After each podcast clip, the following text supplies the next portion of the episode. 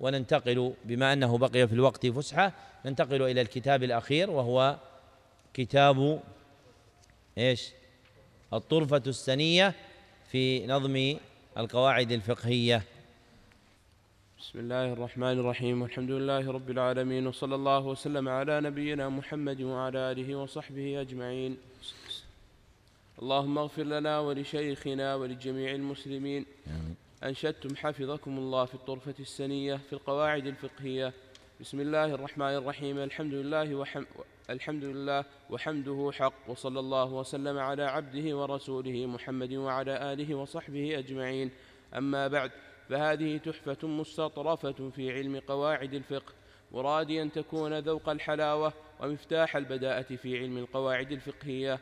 فيها جملة من المقاصد عز وجودها في أخواتها كحد القاعدة الفقهية لغة واصطلاحا ومصادرها وغايتها وخمسها الكلية بصياغة سالمة من الاختلال موافقة للدليل الدال نفع الله بها من شاء من عباده وأسأله أن لا يحرمنا مزيد فضله وإمداده. بين المصنف وفقه الله أن هذه الأرجوزة تحفة مستطرفة أي مستملحة. في علم قواعد الفقه أريد منها أن تكون ذوق الحلاوة أي مبتدأها. فإن المرء إذا ذاق حلاوة شيء في مبتدئه دعاه ذلك إلى استكماله. وهذا هو الداعي إلى تأليف المصنفات الوجيزة ترغيبا في العلم وتحبيبا للنفوس إليه. كمنظومة البيقونية في المصطلح أو تحفة الأطفال في التجويد أو القواعد الأربع في الاعتقاد فإن هذه المصنفات الوجيزة تورث الآخذ لها محبة العلم والرغبة فيه. وهذه المنظومة الوجيزة مع كونها ذوق الحلاوة جعلت مفتاح البداءة في علم القواعد الفقهية بذكر جملة من مقاصد هذا العلم عز وجودها في أخواتها أي نظائرها من المنظومات. كحد القاعدة الفقهية لغة واصطلاحا ومصادرها أي التي تستمد منها وغايتها وخمسها الكلية بصياغة سالمة من الاختلال موافقة للدليل الدال كما سيأتي في محله بإذن الله. نعم. الحمد لله العلي الأعلى ثم الصلاة مع سلام مجلى على النبي سيد الأنام وآله وصحبه الكرام. وبعد ذي أرجوزة القواعد نظما دنت فلا تكن بقاعدي هي الأساس للبنا لدى العرب وحدها صناعة لمن طلب. قضية للفقه زد كلية منثورة الأبواب للجزئية. ذكر الناظم بعد ديباجة كتابه المستفتحة بالحمد والصلاة على النبي صلى الله عليه وسلم أن هذه الأرجوزة في فن القواعد وأل فيه للعهد. فالمراد بالقواعد هنا القواعد الفقهية لأنها مضمن كتابه كما سلف. والأرجوزة أفعولة من الرجز وهو البحر المار ذكره آنفا. ثم حرض متلقيها على الوثوب إليها باستخراج معانيها وتفهم ما فيها. فقال نظما دنت أي قربت. والشيء إذا قرب حسن حسنت العناية به. ثم قال فلا تكن بقاعد أي قاعد عن إدراك معانيها لما في ذلك من النفع العام. ثم ذكر معناها لغة واصطلاحا فقال هي الأساس للبناء لدى العرب. أي حد القاعدة عند العرب أساس البناء ومنه قوله تعالى وإذ يرفع إبراهيم القواعد من البيت يعني أساسات بناء البيت الحرام الكعبة المشرفة. وأما حدها الاصطلاحي فأشار إليه بقوله وحدها صناعة لمن طلب والحد الاصطلاحي يسمى عند الأقدمين بالحد الصناعي لأن العلم صناعة وهي صناعة القلب. والمناسب للخبر عن المواضعات الاصطلاحية فيه أن يقال الحد الاصطلاحي. ثم بين هذا الحد الاصطلاحي بقوله قضية للفقه زد كلية منثورة الأبواب للجزئية فالقاعدة الفقهية هي قضية كلية فقهية تنطبق على جزئياتها من أبواب متعددة. قضية كلية فقهية تنطبق على جزئياتها من أبواب متعددة.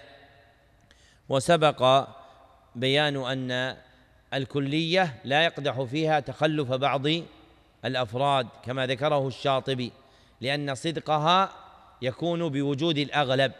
فإذا كان أغلب الأفراد مندرجا فيها صح أن تسمى والقضايا في كليتها تختلف باختلاف العلوم والمراد منها هنا هي القضايا الكلية المتعلقة بعلم الفقه وبذلك فارقت غيرها من القواعد. فإن كل علم مبني على على إيش؟ على قواعد وعلم قواعد الفقه مبين انبناء علم الفقه على هذه القواعد. نعم. ثم إلى النقل كثير مرجع وقد إلى الإجماع بعض يرجع. والرابع القياس عند الجل ثمة الاستقراء ذو تجلي ثمة. ثمة الاستقراء أحسن الله عليك ثمة الاستقراء ذو تجلي غايتها الضبط لكل فرع برده إلى اعتبار مرعي فالفقه مبني جميعه على قواعد بها يتم المبتنى. ومن لها دراية قد أدرك فهو الحقيق أن يكون المدركا ذكر المصنف وفقه الله جملة أخرى من المعاني المحتاج إليها في عقل القواعد الفقهية مبينا مصادرها. إذ قال ثم إلى النقل كثير مرجع وقد إلى الإجماع بعض يرجع. والرابع القياس عند الجل ثم الاستقراء ذو تجلي. ومصادر القواعد الفقهية خمسة. أولها القرآن وثانيها السنة.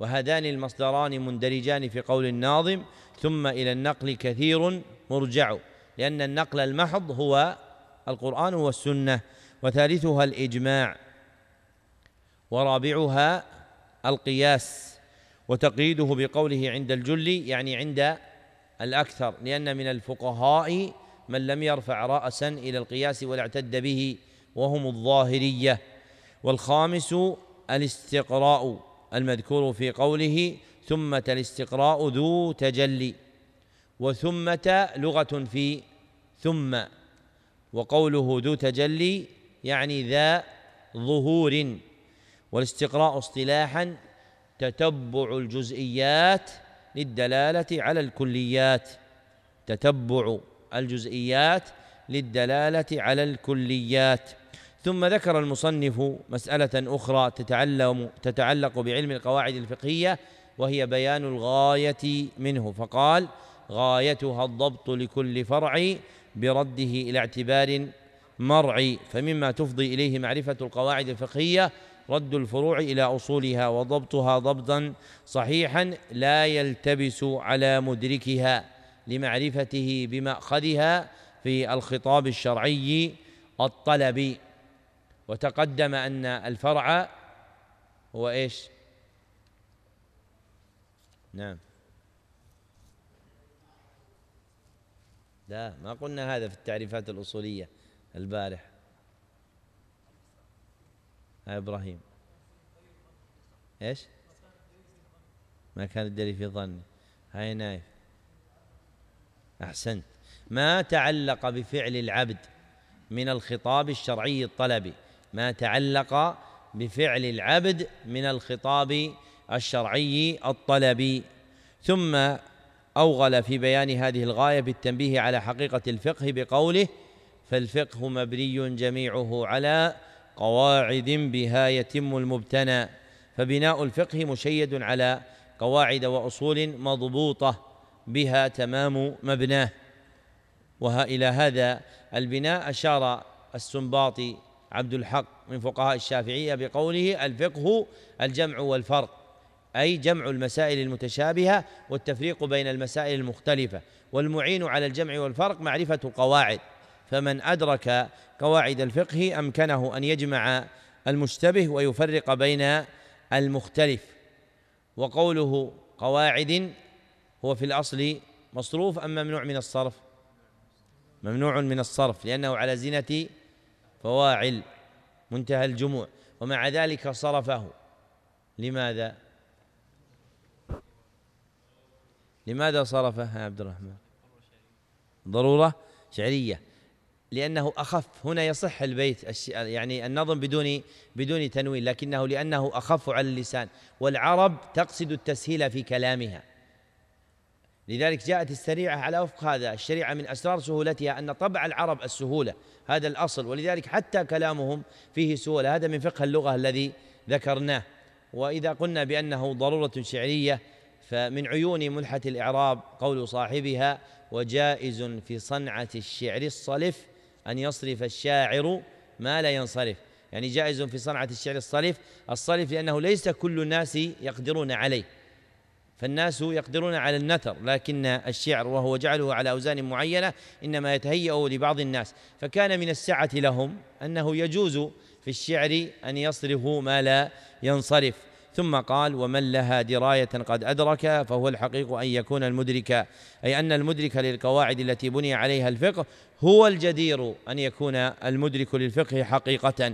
وأعلى درجات الفقه وهي الاجتهاد لا مكنة للبلوغ لبلوغه والإحاطة به إلا بالاستيلاء على طرف حسن وافر من من علم القواعد الفقهية.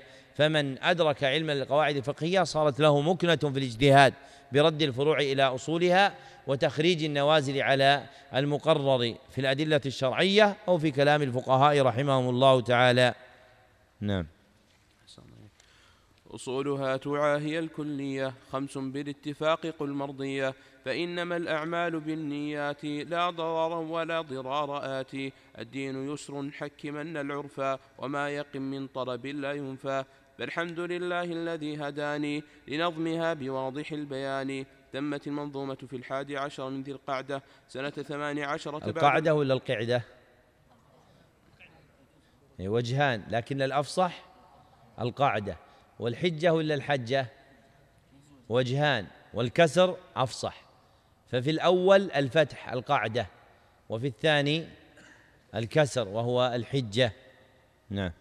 على يد ناظمها لنفسه ولمن شاء الله من خلقه صالح بن عبد الله بن حمد العصيمي غفر الله له ولوالديه ولمشايخه وللمسلمين. آمين. المؤذن موجود؟ نعم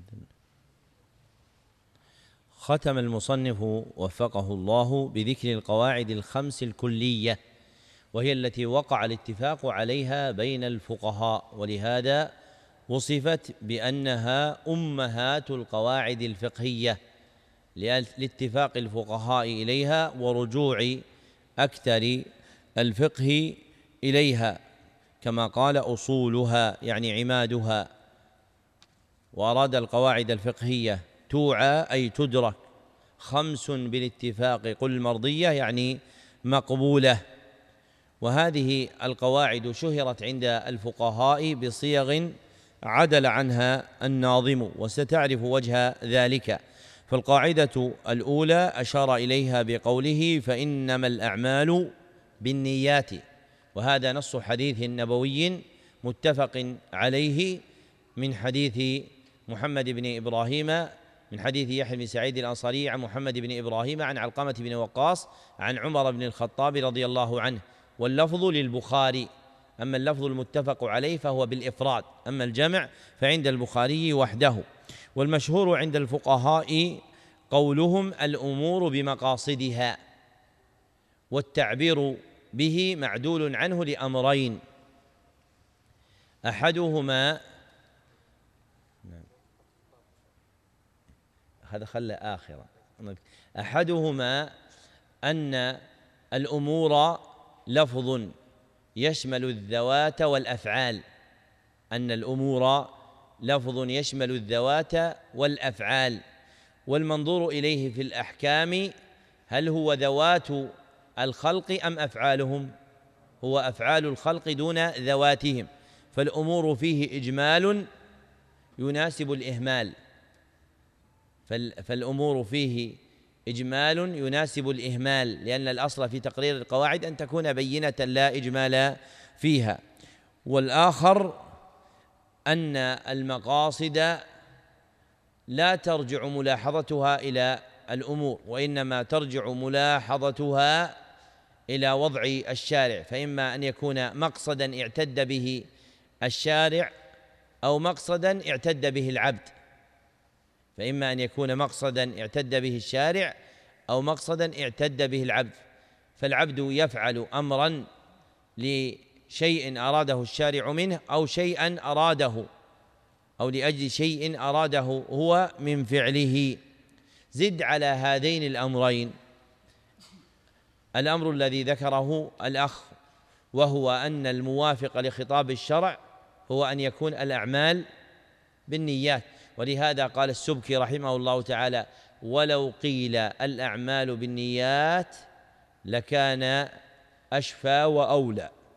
ولو قيل في هذه القاعدة الأعمال بالنيات لكان أشفى وأولى يعني أشفى في حصول المقصود وأولى في الاعتداد به.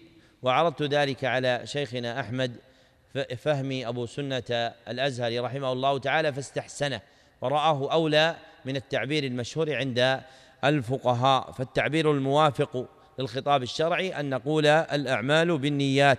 ثم أشار إلى القاعدة الثانية بقوله لا ضرر ولا لا ضررا ولا ضرار آتي.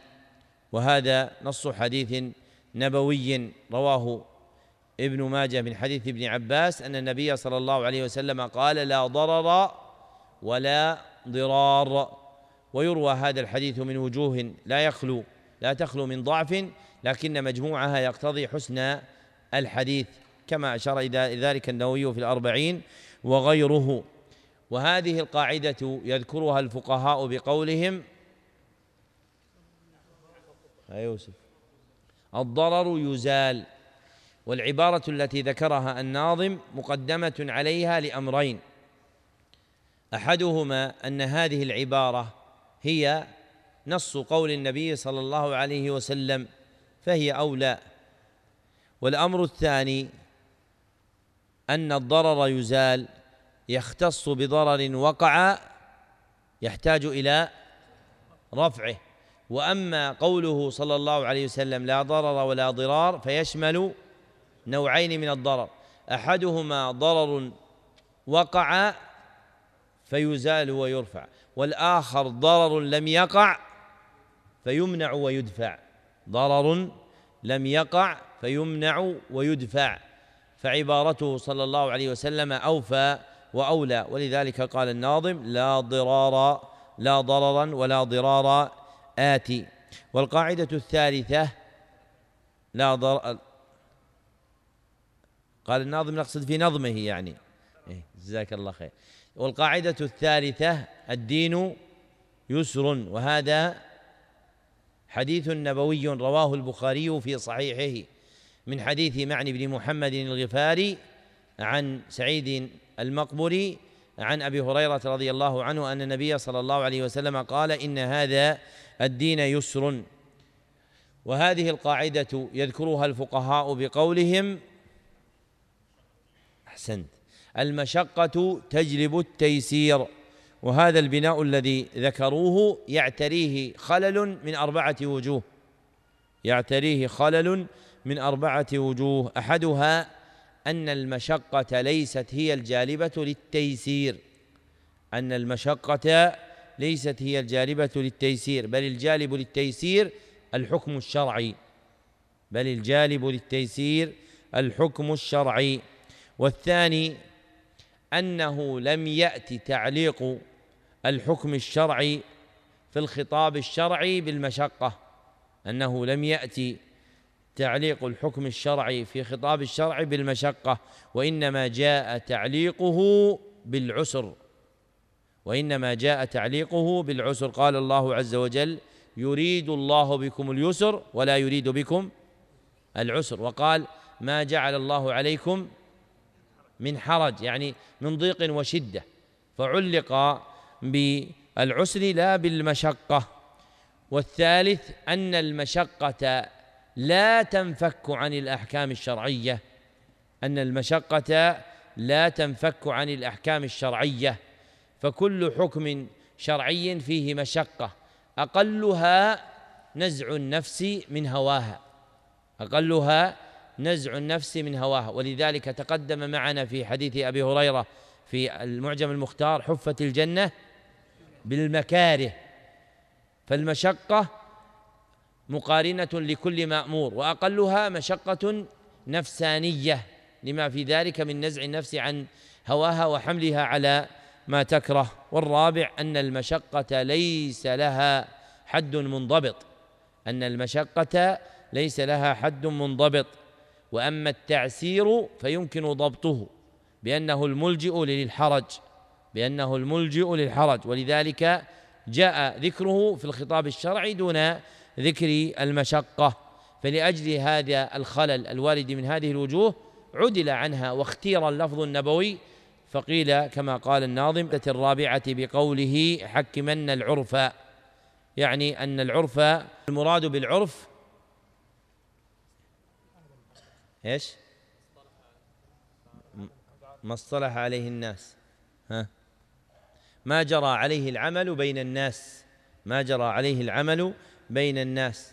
قال ابن عاصم في في مرتقى الوصول والعرف ما يعرف عند الناس ومثله العادة دون باس. فما جرى عليه الأمر بين الناس يسمى عرفا. وأكثر الفقهاء يذكرونه بقولهم العادة محكمة. وفي هذا من الخلل أن العادة اسم لما جرى بين الناس. لا فرق بين حسنه وسيئه. ولذلك يقولون عادة حسنة وعادة سيئة. وأما العرف فيختص بما جرى بينهم على وجه حسن. وأما العرف فيختص بما جرى بينهم على وجه حسن. ولذلك قال الله عز وجل خذ العفو وأمر بالعرف. أي المعروف الجاري بين الناس على وجه حسن. ولما أطلق الفقهاء قولهم العادة محكمة احتاجوا إلى تقييدها بشروط بأن لا تكون مخالفة للشرع وبأن يكون المتواطئون عليها من مستقيمي الديانة وأصحاب المروءة إلى غير ذلك. وأما إذا قيل العرف محكم استغني عن ذلك. ومعنى قولهم محكم أي معول عليه أي معول عليه فيما يحتاج إليه من بيان حدود الأشياء أو متعلقات الأحكام. ثم أشار إلى القاعدة الخامسة بقوله وما يقن من طلب لا ينفى. يعني أن اليقين الطلبي لا ينفى. وهذه القاعدة يذكرها الفقهاء بقولهم ها؟ اليقين لا يزول بالشك. طيب وهذا مسلم أم غير مسلم؟ أنا أذكر لكم كلامهم وأنتم انظروا مسلم أم غير مسلم. قال الفقهاء رحمهم الله على اختلاف مذاهبهم في كتاب الحدود عند ذكر الردة قالوا والمرتد من انتقض دينه بقول أو فعل أو اعتقاد أو شك. المرتد يعني مسلم ثم يترك الإسلام. يترك بوجوه منها الشك وثبوت الإسلام له كان يقين أم شك؟ يقين. ومع ذلك رفع هذا اليقين. لاحظتم؟ رفع هذا اليقين. ولذلك قال الناظم إيش؟ وما يقن من طلب لا ينفى. فمحل هذه القاعدة هو باب الطلب لا باب الخبر. فالقاعدة اليقين الطلبي لا يزول بالشك. أما اليقين الخبري فإنه يزول يزول بالشك.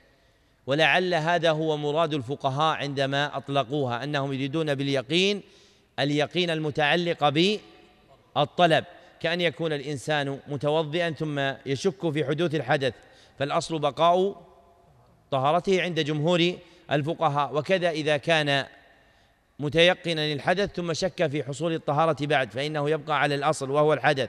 وهذه المسائل بابها باب الطلبيات. أما باب الخبريات فإن الشك إذا ورد عليه ينفيه. وهذا كما سلف لعله هو مرادهم لكنهم تركوه للعلم به. والإفصاح أولى في القواعد. الإفصاح أولى في القواعد. لماذا؟ لأن المراد من القواعد كونها أصولا يبنى عليها العلم. هذا هو المراد في القواعد. فالمناسب لهذا المقصد أن تكون القاعدة بينة واضحة جلية فإذا قلنا اليقين الطلبي لا ينفى عرف المتفقه أن محل هذه المسألة في الأحكام الطلبية. أما الأحكام الخبرية فإن الشك الوارد فيها يزيل اليقين كما لو شك أحد في قدرة الله أو في وجود الملائكة. فإنه إذا وقع الشك في قلبه وتداخل اليقين مع الشك فإنه يعود على اليقين بالإيمان بزوال ذلك اليقين ويصير الإنسان كافرا بذلك الشك. وبهذا نختم الكتاب الثاني عشر بحمد الله من هذا البرنامج. اكتبوا طبقة السماع. سمع علي جميع التحفة المستطرفة الطرفة السنية في القواعد الفقهية بقراءة غيره. صاحبنا فلان ابن فلان ابن فلان فتم له ذلك في مجلس واحد. بالميعاد المثبت في محله من نسخته. وأجزت له روايته عني إجازة خاصة من معين. يعني من المعين؟ المتكلم. لمعين المتلقي السامع. في معين يعني في الكتاب. والحمد لله رب العالمين. صحيح ذلك. وكتبه صالح بن عبد الله بن حمد العصيمي ليلة السبت الثالث عشر من ربيع الآخر سنة 1434 في جامع عمر بن الخطاب بمدينة الدوحة. وبهذا نكون بحمد الله قد فرغنا من هذا البرنامج. وبقي تتمة كالعطر له وهي كتاب بوارق الأمل لإجازة طلاب الجمل. ونقرأه إن شاء الله تعالى في مدة يسيرة بعد الصلاة. ثم ننصرف راشدين. نسأل الله لنا ولكم التوفيق. الحمد لله رب العالمين وصلى الله وسلم على عبد رسول محمد وآله وصحبه أجمعين.